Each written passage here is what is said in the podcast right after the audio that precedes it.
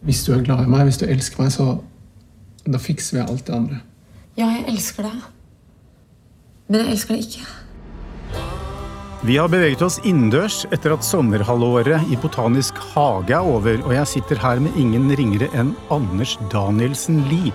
Velkommen til Filmsamtalen, Anders. Tusen takk for det. I går offentliggjorde IndieWire, som er en slags bransjebibel for filmbransjen, altså de offentliggjorde en liste der et internasjonalt kritikerkorps stemte fram verdens verste menneske som den tredje beste filmen på høstens fire store filmfestivaler. Det var jo eh, rimelig gjevt, vil jeg si, men ikke bare det. Altså, også Bergman Island, som du spiller i, eh, har eh, havnet ganske høyt opp, den også, blant de ti beste. Så jeg kan ikke huske at en norsk film har mottatt så stor internasjonal applaus noensinne som det eh, verdens verste menneske har gjort. Og jeg skal ikke spørre om hvordan det føles, eh, for de spørsmålene har du fått ganske ofte, men, men kunne du sagt litt om den reisen du har vært gjennom eh, internasjonalt siden eh, filmen hadde premiere i Cannes? Eh, har du blitt overrasket over all rosen? Eh, forventningene mine var nøkterne, ja. som alltid. Um, uh, altså, jeg tror når du, når du lager en film, eller er med på å lage en film, så tenker du forhåpentligvis ikke så mye på hvordan dette skal gå, hvordan mottakelsen skal bli og sånn. Man prøver å være uh, sann i øyeblikket, ikke sant, som skuespiller, og man prøver å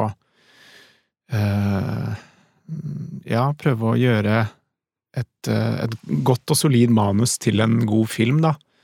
Vi følte at det, det var et godt grunnlag i, i, manuskriptet. Eh, jeg husker veldig godt første gang jeg leste det og tenkte at dette var eh, at det var en fest på mange måter.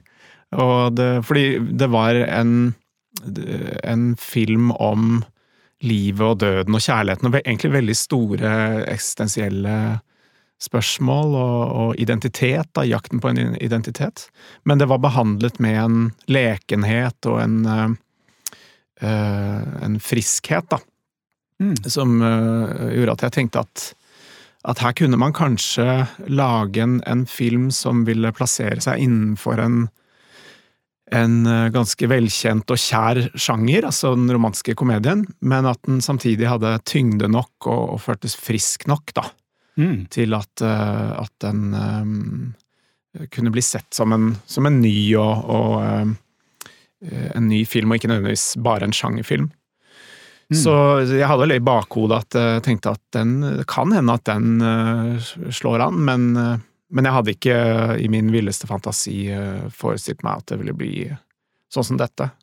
Nei, det har, det kanskje vært for, for, en, for en nordmann for mye av det gode. Jeg vet ikke. Men Men uh, Joakim Trier har jo sagt før at når du drar til Cannes med en film, så skal du forberede deg på ros, men ikke minst ris.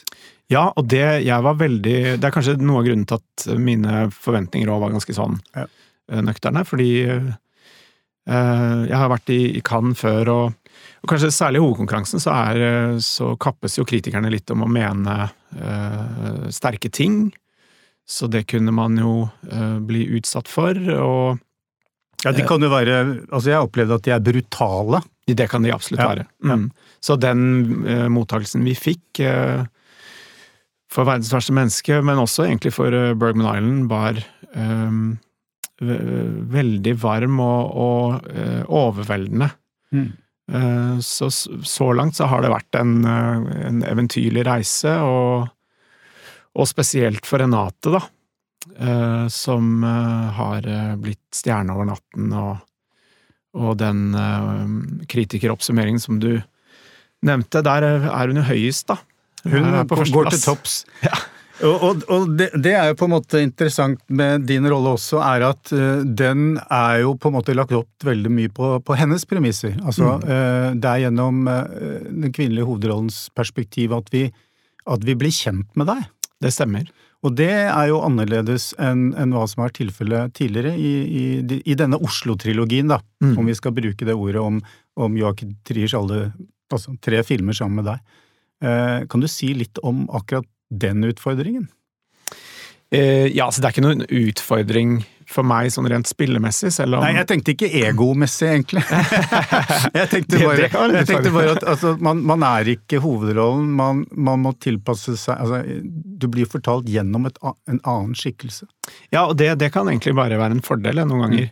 Um, og um, ja, altså nei, det var eh, en annerledes eh, forberedelse for meg, eh, denne filmen, enn de to andre, i den forstand at eh, relasjonen til Renates karakter var, var det viktigste. Altså, vi måtte jobbe med den relasjonskjemien, og, og da ville jeg også at min karakter skulle oppstå ut av det forholdet, at vi skulle bli kjent med denne Aksel-figuren gjennom forholdet, og, og sett fra hennes blikk, da. Eh, og I tillegg så, så var det også viktig at, eh, at Aksel som karakter kontrasterte henne litt. Sånn at han blir en slags eh, kontrast til hennes identitetskrise, altså en som, en som vet veldig godt hva han vil i livet, som kanskje har vært igjennom mye av den identitetsutforskingen som hun strever med. Og en, en karakter som, som blir sett utenfra. Mm. Um, så den er mye mindre karakterpsykologisk, kan du si, da, enn de to eh, andre filmene gjort med Joakim.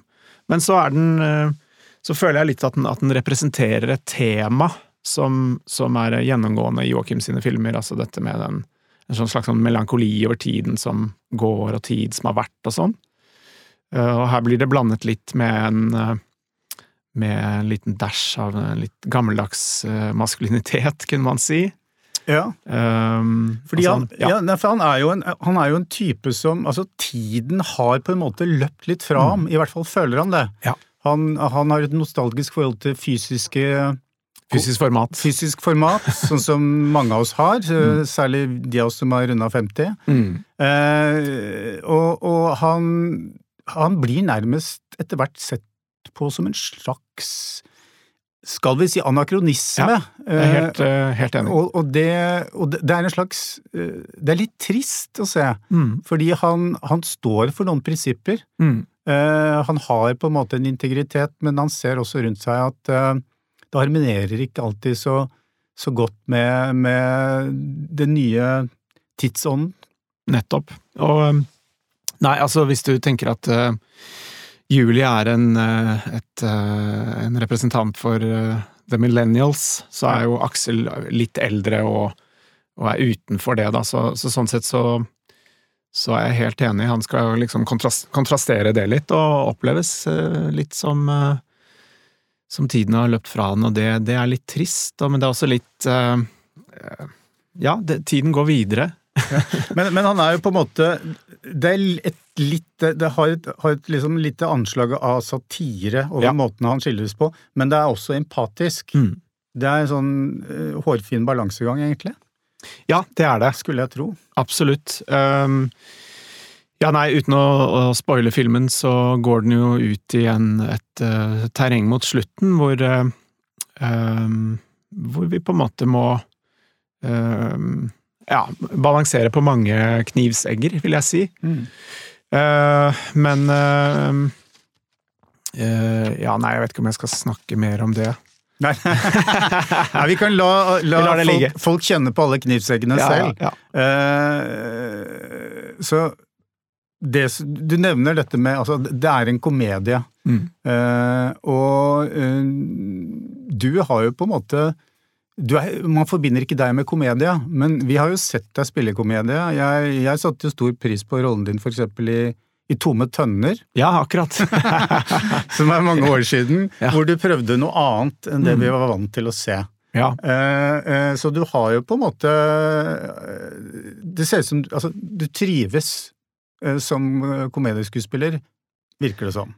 Det er jeg veldig glad for at du sier. Ja. Um, fordi um, nei, det, det, det som er vanskelig med å være filmskuespiller, er at uh, du blir jo alltid utsatt for uh, typecasting, eller ofte blir du det, og har du gjort noe som er uh, som, som kanskje har truffet noen da, innenfor et, et eller annet landskap, så, så blir det ofte mer av det, og sånn er det bare. Og det er vanskelig å komme vekk fra seg selv også, og sine både personlige egenskaper og hvordan man ser ut og alt det der, det kommer man ikke helt unna. Så, så da blir det litt melankolske roller på meg, og det blir deprimerte forfattere og alt det. Mm. Men, men eh, jeg har jo veldig gjerne lyst til å gjøre lettere materiale. Så eh, hvis det er noen der ute som har lyst til å gjøre en komedie, så, så skal jeg ikke være vond med. Jeg, jeg, er jo, jeg setter jo veldig pris på, på, på komedie og humor selv. Mm. Og, um, og så er det selvfølgelig den gamle klisjeen om at det er jo i, i alvoret man også finner uh, humoren, da. Uh, det håper jeg jo at 'Verdens verste menneske' er et eksempel på. Fordi at um, det er ganske store spørsmål denne filmen baler med. Altså, hvem er jeg? Hvem skal jeg være sammen med? Hvem skal jeg få barn med? Skal jeg få barn i det hele tatt? Det er liksom Det blir ikke så veldig mye mer eksistensielt enn det. Um, men det er jo eh, Filmhistorien eh, har jo mange gode eksempler på at eh, nettopp de spørsmålene der er, er behandlet best da i, i komediesjangeren. Mm. Men det er veldig vanskelig å lage komedie. Ja, Mm. men det er også det disse internasjonale kritikerne som har stemt filmen fram til en gyllen tredjeplass, er jo, er jo det at man, man Filmskaperne greier jo den balansegangen. Altså, man tilfører komediesjangeren noe nytt, eller noe uventet.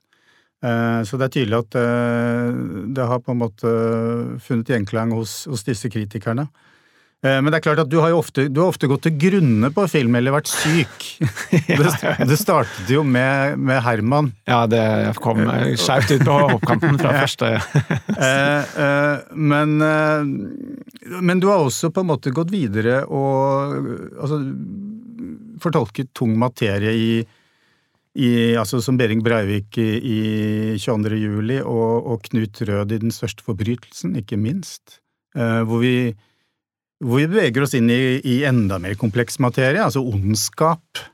Eh, de, de to rollene er jo egentlig ganske unike i, i moderne norsk filmhistorie, i den forstand at du, du på en måte tok på deg ansvaret med å fortolke eh, to, altså i anførselstegn, monstre. Eh, hva, hva kan du si om, om det, altså den erfaringen der? Eh, Nei, begge de to eh, rollene der har jo vært veldig lærerike for meg, eh, på eh, ulike måter. Altså eh, Med Breivik så er det jo selvfølgelig det store spørsmålet hva er eh, vitsen med å vise ham eh, i en film i det hele tatt, og hva skal han representere, da? Eh, så det ble vel eh, det store spørsmålet for meg, om, man, om eh, karakteren kunne representere noe heller enn å være en man skulle kopiere og prøve å få ligne på, ikke sant. Mm. Det blir jo ofte sånn når man skal fremstille historisk person, så er det, så er det om å gjøre å ligne mest mulig.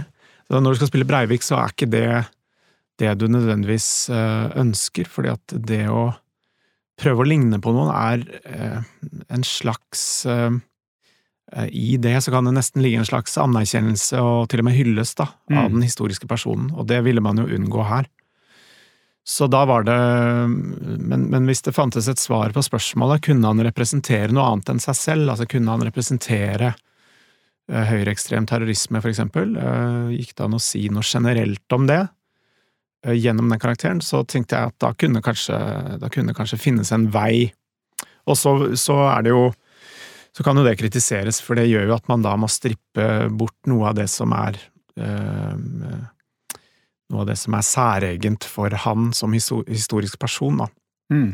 Eh, Med Knut Rød så er det eh, så Jeg tenkte at Knut Rød var en uh, god uh, Et godt eksempel på ondskapens banalitet, da, ikke sant? Denne teorien til Hanne Arendt som eh, var til stede, altså filosofen Hanne Arendt som var til stede under Adolf Eichmanns rettssak Mm. i Jerusalem, og, og så denne mannen som kanskje er en av de mest ansvarlige for holocaust eh, i, i nazisystemet, eh, og så en slags eh, eh, dødsbyråkrat. Um, egentlig er jo Knut Rød et mye bedre eh, en mye bedre representant for den teorien enn Eichmann, som jo egentlig eh, var en eh, eh, Ja, så han handlet ikke bare av eh, ordre ovenfra, han var også sterkt ideologisk drevet, mens Knut Rød var jo ikke det. Ja, Knut Rød var ikke noe glødende antisemitt, og da er spørsmålet hvordan i all verden kunne han Men, men det Eh, jeg ja, det syns- jobbe 48 timer i strekk Ja, for å finne alle jøder i Oslo og Aker? Nei, han er, jo, han er jo en av de, altså den filmens virkelig fascinerende karakterer eh, for hvordan han på en måte gjør ting til punkt og prikke. Mm. Og, eh, og det er jo flere der som såkalte eh, ja, gode nordmenn den gangen, eh, som på en måte var med, men gjorde, hadde en liten, et, en liten del av ansvaret, gjorde sin jobb til punkt og prikke, men ikke nødvendigvis så helheten. Mm. Eh, Men det byråkratiske, det ondskapen i, det, i selve det byråkratiske systemet, Mm. det, det, det er jo kjempeinteressant med den største forbrytelsen. Eh, Og jeg var, jeg var veldig glad for at noen omsider på en måte greide å belyse det. Eh, Fordi det har tidligere handlet om helter og skurker. Ja, det, det er jeg enig i, og det er jo ja, noe av det som er vanskelig med å lage film om andre verdenskrig, tror jeg, som Mm. er eh, periodefilm og, og, og dyrt, eh, at det kan nok gjøre at historiene som fortelles blir litt enklere enn det man kanskje skulle ønske seg. Så det kan ofte bli en fortelling om det gode mot det onde. Mens de, de mer komplekse fortellingene om krigen, de, de kan nok være vanskelig å, vanskeligere å finansiere. Eh, Jeg tenker at en eh, karakter som Knut Rød burde vel egentlig hatt en egen film, da. Mm. Eh, Men vi kan jo se om det blir noe av. Ja, ja. Eh, eh, Jeg, jeg hadde bare et lite spørsmål eh, om, om Behring Breivik-tolkningen din. Altså, ofte så sier jo skuespillere at de må, de må finne et, en flik av menneskelighet i en skikkelse for å kunne spille dette mennesket. De må ha noe, de kan liksom en knagg, noe som gjør at eh, man kan forsvare dette menneskets på en måte eksistens, eller, eller menneskelighet, da. Mm. Eh, det virker ikke som det var tid til det for den rollen du hadde 22. juli. Eh, nei, var, for, fordi du var jo Behring Breivik var på avstand hele tiden, ikke sant? Ja, det er, ikke noe, det er jo ikke noe karakterportrett. Det er det ikke. Eh, Jeg kjempet ganske hardt for å få med noe av den menneskeligheten. Mm. Og da må man skille mellom menneskelighet og sympati. Jeg har veldig lite sympati for, for eh, han som person, eh, så klart. Jeg syns ikke synd på ham heller, for noe av det som skjedde i barndommen. Jeg, det er eh, ikke noe sånt i det hele tatt. Jeg trenger, eh, jeg trenger ikke å ha noe sympati for noen roller jeg spiller. Men, eh, men menneskelighet, det, det må det være, og det er det masse av. Altså, det var jo noe av det som sjokkerte meg mest da jeg så avhør, er jo egentlig hvor vanlig og, og menneskelig han er, på veldig mange måter. Mm. Um, men, men det er klart det var ikke så stor anledning til å eh, vise det innenfor rammene av filmen og, og manuskriptet, og, og så må man jo, når man skal fremstille en historisk person da innenfor et uh, manus, uh, spillefilmmanus, så må man velge litt hva man velger å fokusere på. Uh, det som også er slående i, i, i avhørene, er jo narsissismen. Eh, som også var viktig å, å legge vekt på. Så det blir jo en sånn slags sånn eh, Man må gjøre noen utvalg, da. Man får ikke med hele eh, det mennesket man har sett i sin eh, dybde og bredde. Mm. Eh, tilbake til Verdens verste menneske og Oslo-trilogien. Altså, denne, disse tre filmene som du har spilt i, som Joakim har, har hatt regi på, er jo unike i norsk filmsammenheng. Altså en, en, en, en trilogi med utgangspunkt i hovedstaden og eh, en rekke enkeltskjebner hvor du spiller ulike varianter av den samme rollen, i hvert fall hvis du ser, eh, måler eh, verdens verste menneske opp mot reprise. Det, der er det en del, kan man si, likheter da, mellom rollefigurene. Eh, men når dere Altså, har, har du noensinne tenkt på dette som en trilogi? Altså, eh, ikke sant? Det har blitt det. Eh, eh, og, det og jeg ser jo at eh, kritikere altså omtaler eh, Oslo-trilogien med nesten samme ærbødighet når de snakker om Richard Linklaters Before-trilogi, Mm. eller til og med Truffauts filmer med, med, med Leo, ikke sant, i, i hovedrollen. Så det er jo ikke Altså, det er, en, det er en trilogi som har fått en standing, da. Eh, Ja, takk. Eh, Det, den har det. Jeg er jo den er veldig dårlig på markedsføring, men det var faktisk, det var faktisk min idé. ja. Eh, Da jeg leste manus til 'Verdens verste menneske', så jeg tror jeg jeg ringte Joakim eller sendte han med melding og, Mm.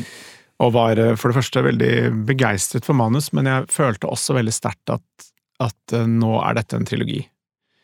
Um, altså, Reprise Oslo vi, vi har alltid tenkt at det var et slektskap mellom filmene, på mange måter. Altså, Oslo er én ting, eh, miljøet som portretteres uh, er en annen ting. Um, de to filmene har jo veldig ulikt lynne, um, men, det, men de har også et, et slags sånn eh, Det er eh, stemninger i filmene som, som er beslektet, da. Men da jeg leste 'Verdens verste menneske', så tenkte jeg at her har vi en slags uh, Dette føltes som en krysning av de to filmene.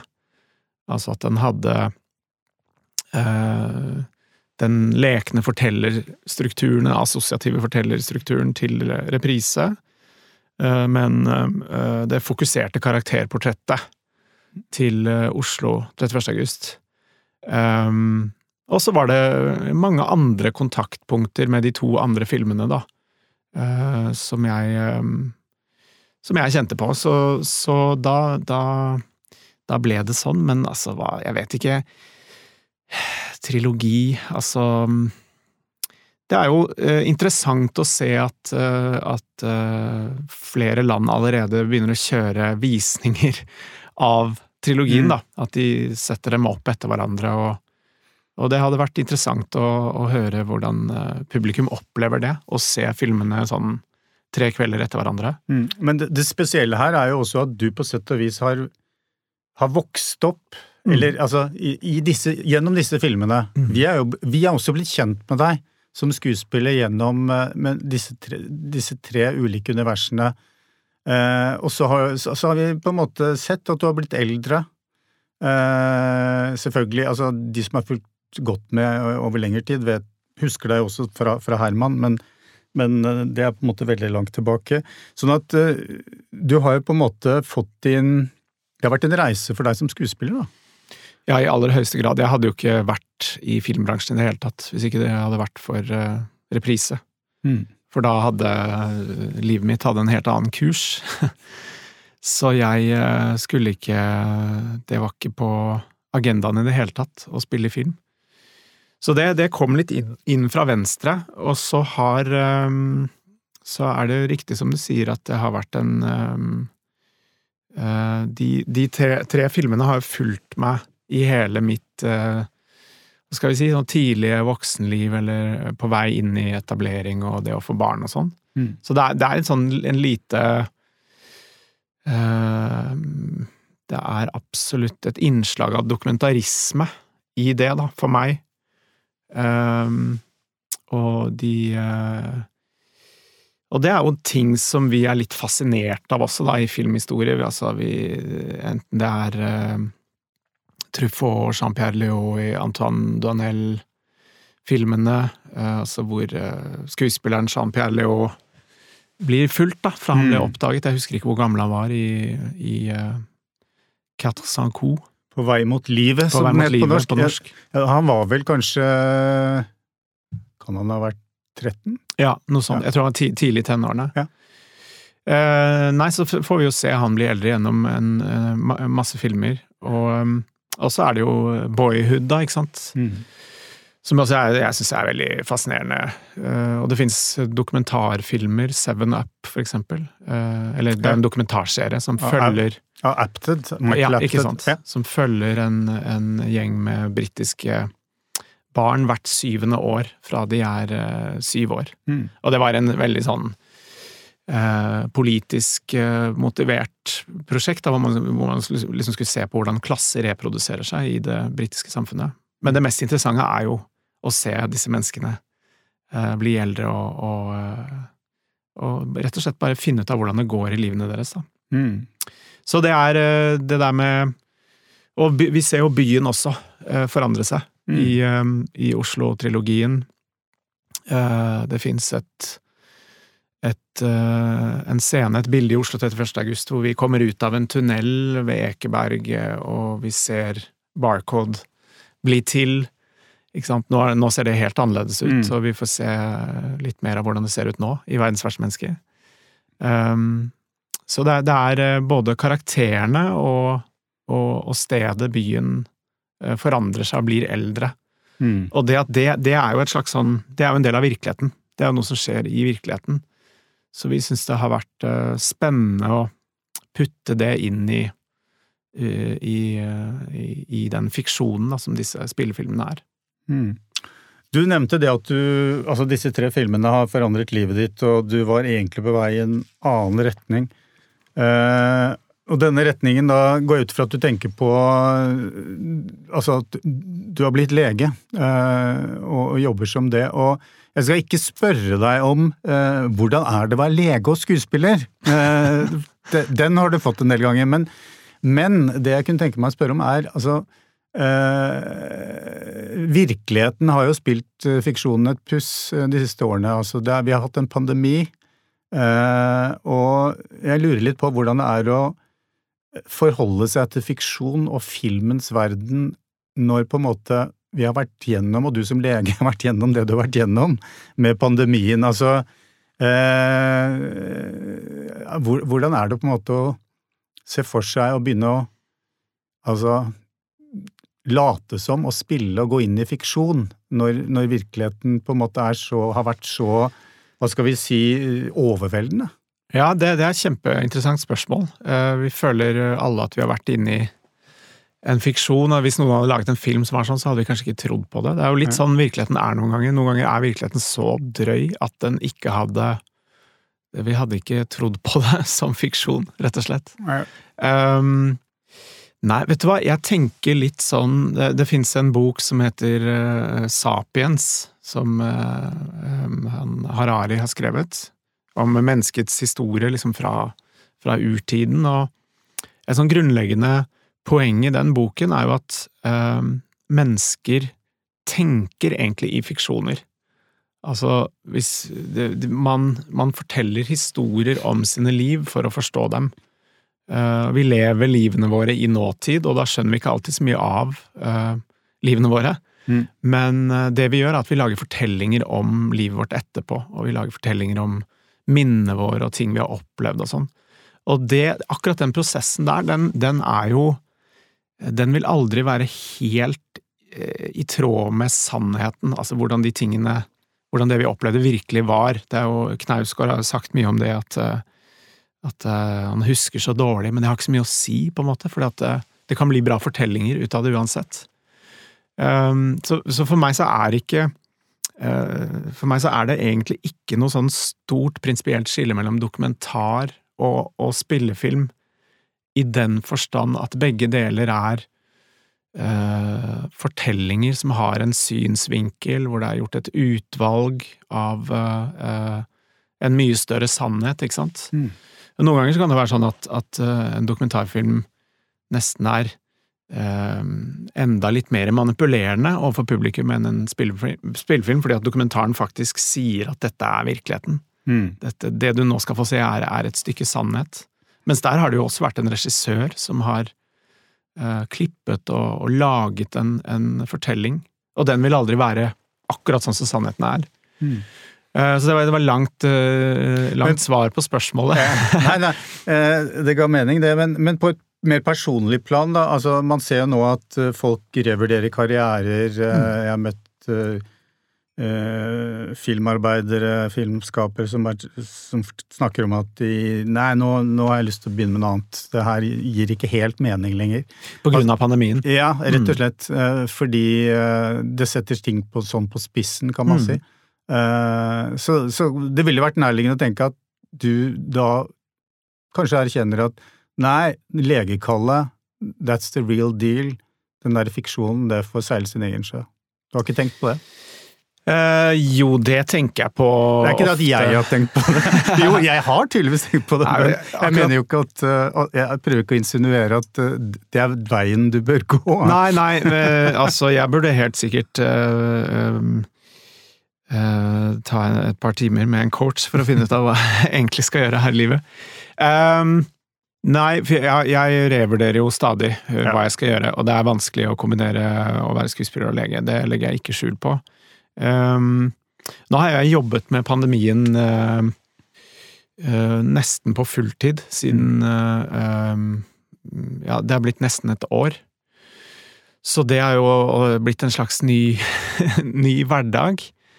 Um, jeg tror ikke jeg kan si at jeg opplever at denne hendelsen, selv om det er helt åpenbart den største krisen i verden siden andre verdenskrig, eller noe sånt, eh, så kan jeg, så kan jeg ikke si at det gjør at nå, nå blir det for smått å prøve å um, lage en film igjen, for eksempel en film som 'Verdens verste menneske'. Mm. Det tenker jeg ikke. Um, jeg håper at både filmmediet og uh, litteraturen og, og andre ja, andre medier som liksom prøver å bearbeide og reflektere over virkeligheten, også kan si noe om det vi alle har vært igjennom og fortsatt står i. Um, uh, det håper jeg, men jeg tror fortsatt det vil være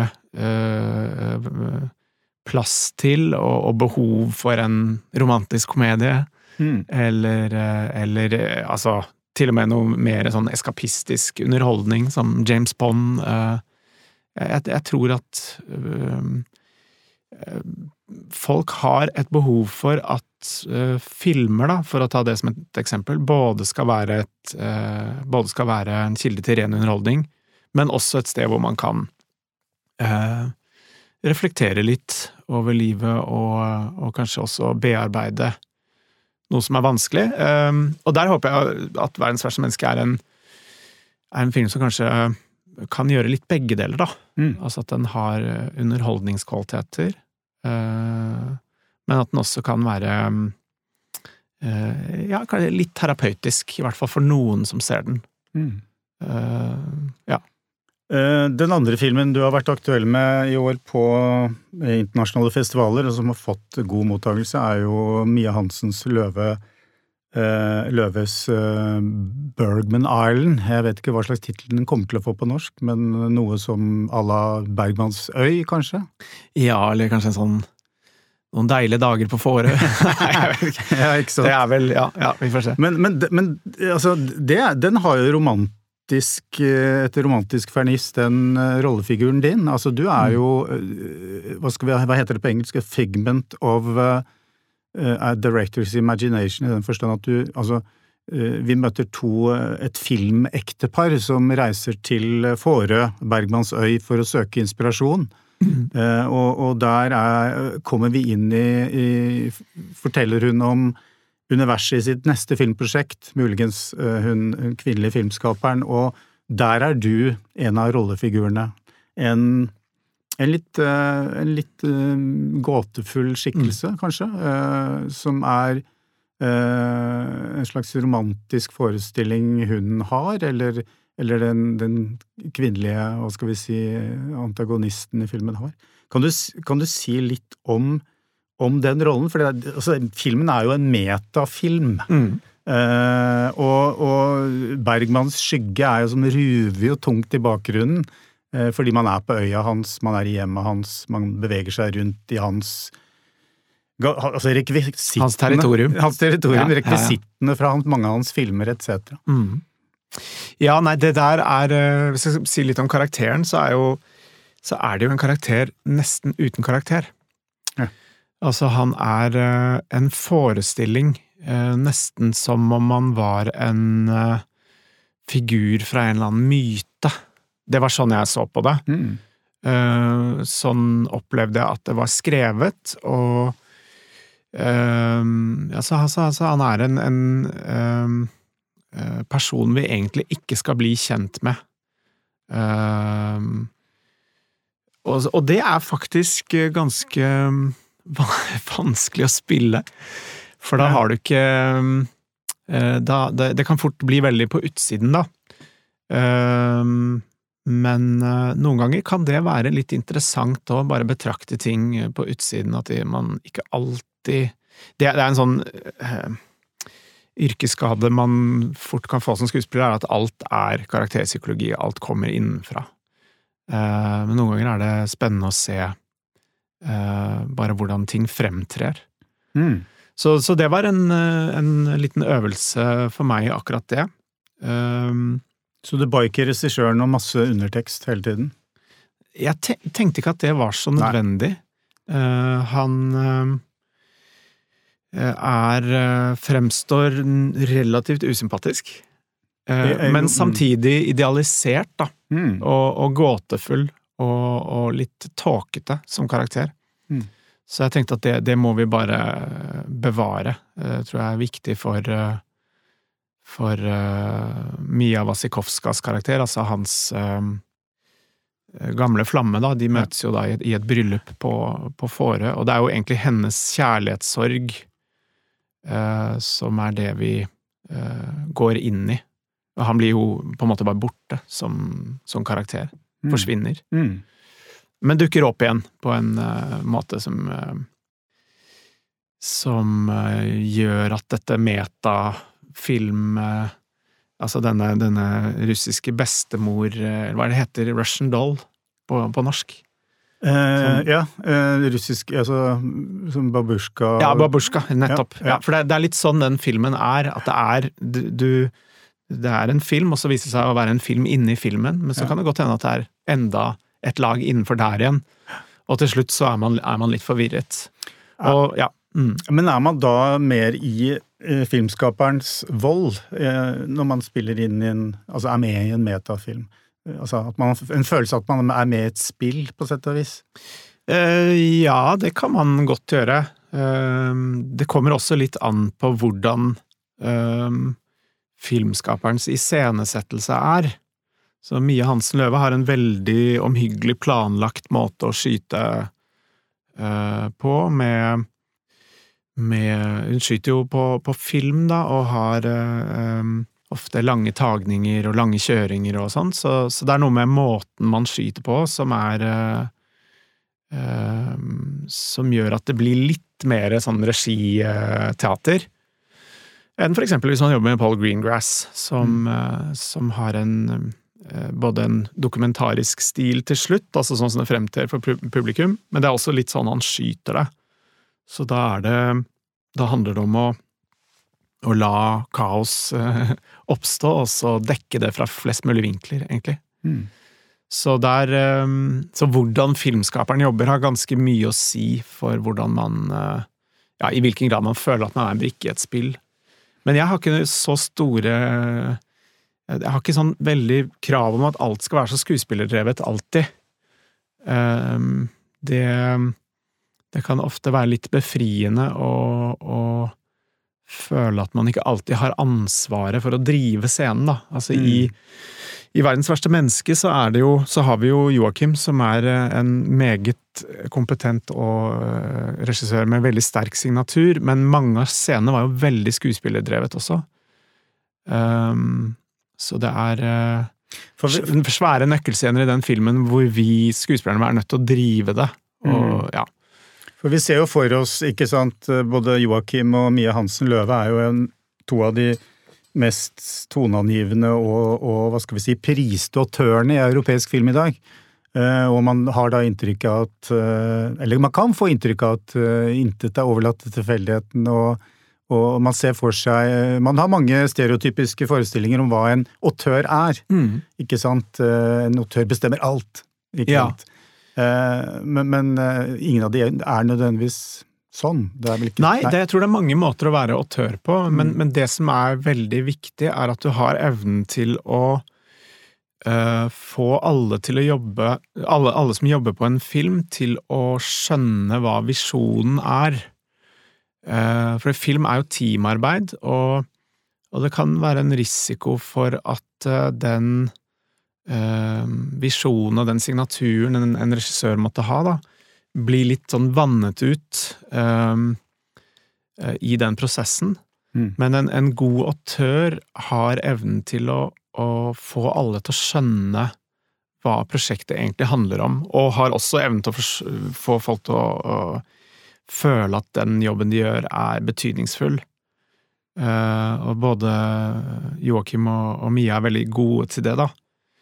Um, men, uh, men, det er nok ikke alltid sånn, tror jeg, at alt er helt bestemt til enhver tid. Joakim har gjennomgått en prosess der i de årene jeg har jobbet med ham. Han var nok mer um, uh, Altså var nok tettere på manus sånn som det var skrevet da vi jobbet på reprise, mens uh, den utviklingen han og Eskil har gjennomgått uh, i løpet av de 15 årene, er jo at de skriver manus på en litt mer åpen måte, så det er uh, litt mer rom for ting som måtte skje i prøver eller, eller på sett. Mm. Fordi ofte så Det som er med de filmene, er at de har jo en, en veldig naturalistisk stil som er tett på virkeligheten i dag, og sånn som folk, vanlige mennesker snakker. Og da vil du gjerne ha Du vil ha uh, mye spontanitet, men du vil også ha retning på scenene. Du vil uh, Altså, manus må ha en komposisjon, da. Hvis du improviserer fra, fra scratch, så, så, blir det ofte litt sånn utflytende og retningsløst. Mm. Så det har vi jobbet ganske mye med å prøve å få uh, litt det beste fra begge verdener. Når man har jobbet med en regissør gjennom mange filmer, mm. Eh, og på en måte man har, man har vokst opp litt sammen eh, som et slags orkester eller band, eller kall det hva du vil, så, så, blir man kanskje fortrolig med hverandres Man kan kanskje gjette, til, gjette seg til hva, hva regissøren ønsker, eller altså, Fungerer samarbeidet litt sånn etter hvert? Absolutt. Um, jeg tror uh, jeg og Joakim har nok blitt mer ordknappe med hverandre på sett uh, i løpet av de årene. Det handler om at vi bare kjenner hverandre bedre, og uh, jeg vet litt hvor vi er med en scene. Jeg kan bare se på ham og skjønne at hvor landet ligger, ikke sant. Mm. så det tror jeg er det tror jeg du har helt rett i. Jeg tror det er en veldig stor fordel sånn generelt å, å kjenne hverandre. Det er ikke nødvendigvis at man må være at man må være venner privat, men, men det tar ganske lang tid å, øh, å kjenne hverandre på en sånn måte at kommunikasjonen på sett blir effektiv, og at man får øh, At man kommer raskt til et bra resultat. Um, så hvis man allerede har jobbet sammen noen ganger, så, så, så har man vært igjennom det og, og vet litt hvordan øh, folk fungerer under press, og, og hva, hva, man trenger å gjøre når, når, ting låser seg, og når man ikke får til ting, da. Mm. For det er jo alltid, når man skyter, så er det jo så er jo tiden den største knapphetsressursen. Man har ikke alltid den øh, den eh, tiden man skulle hatt å gå dypt i karakterpsykologi, og det må man på en måte ha tilbakelagt. Så, så, da tenker jeg at man kan trekke på veldig godt på et uh, vennskap, eller det at man kjenner hverandre godt. Mm. Og jeg håper jo at vi kan få se den trilogien strekke seg kanskje enda lenger fram i tid etter hvert. Eh, Anders Danielsen Lie, tusen takk for at du ble med i Filmsamtalen. Tusen takk for at jeg fikk komme.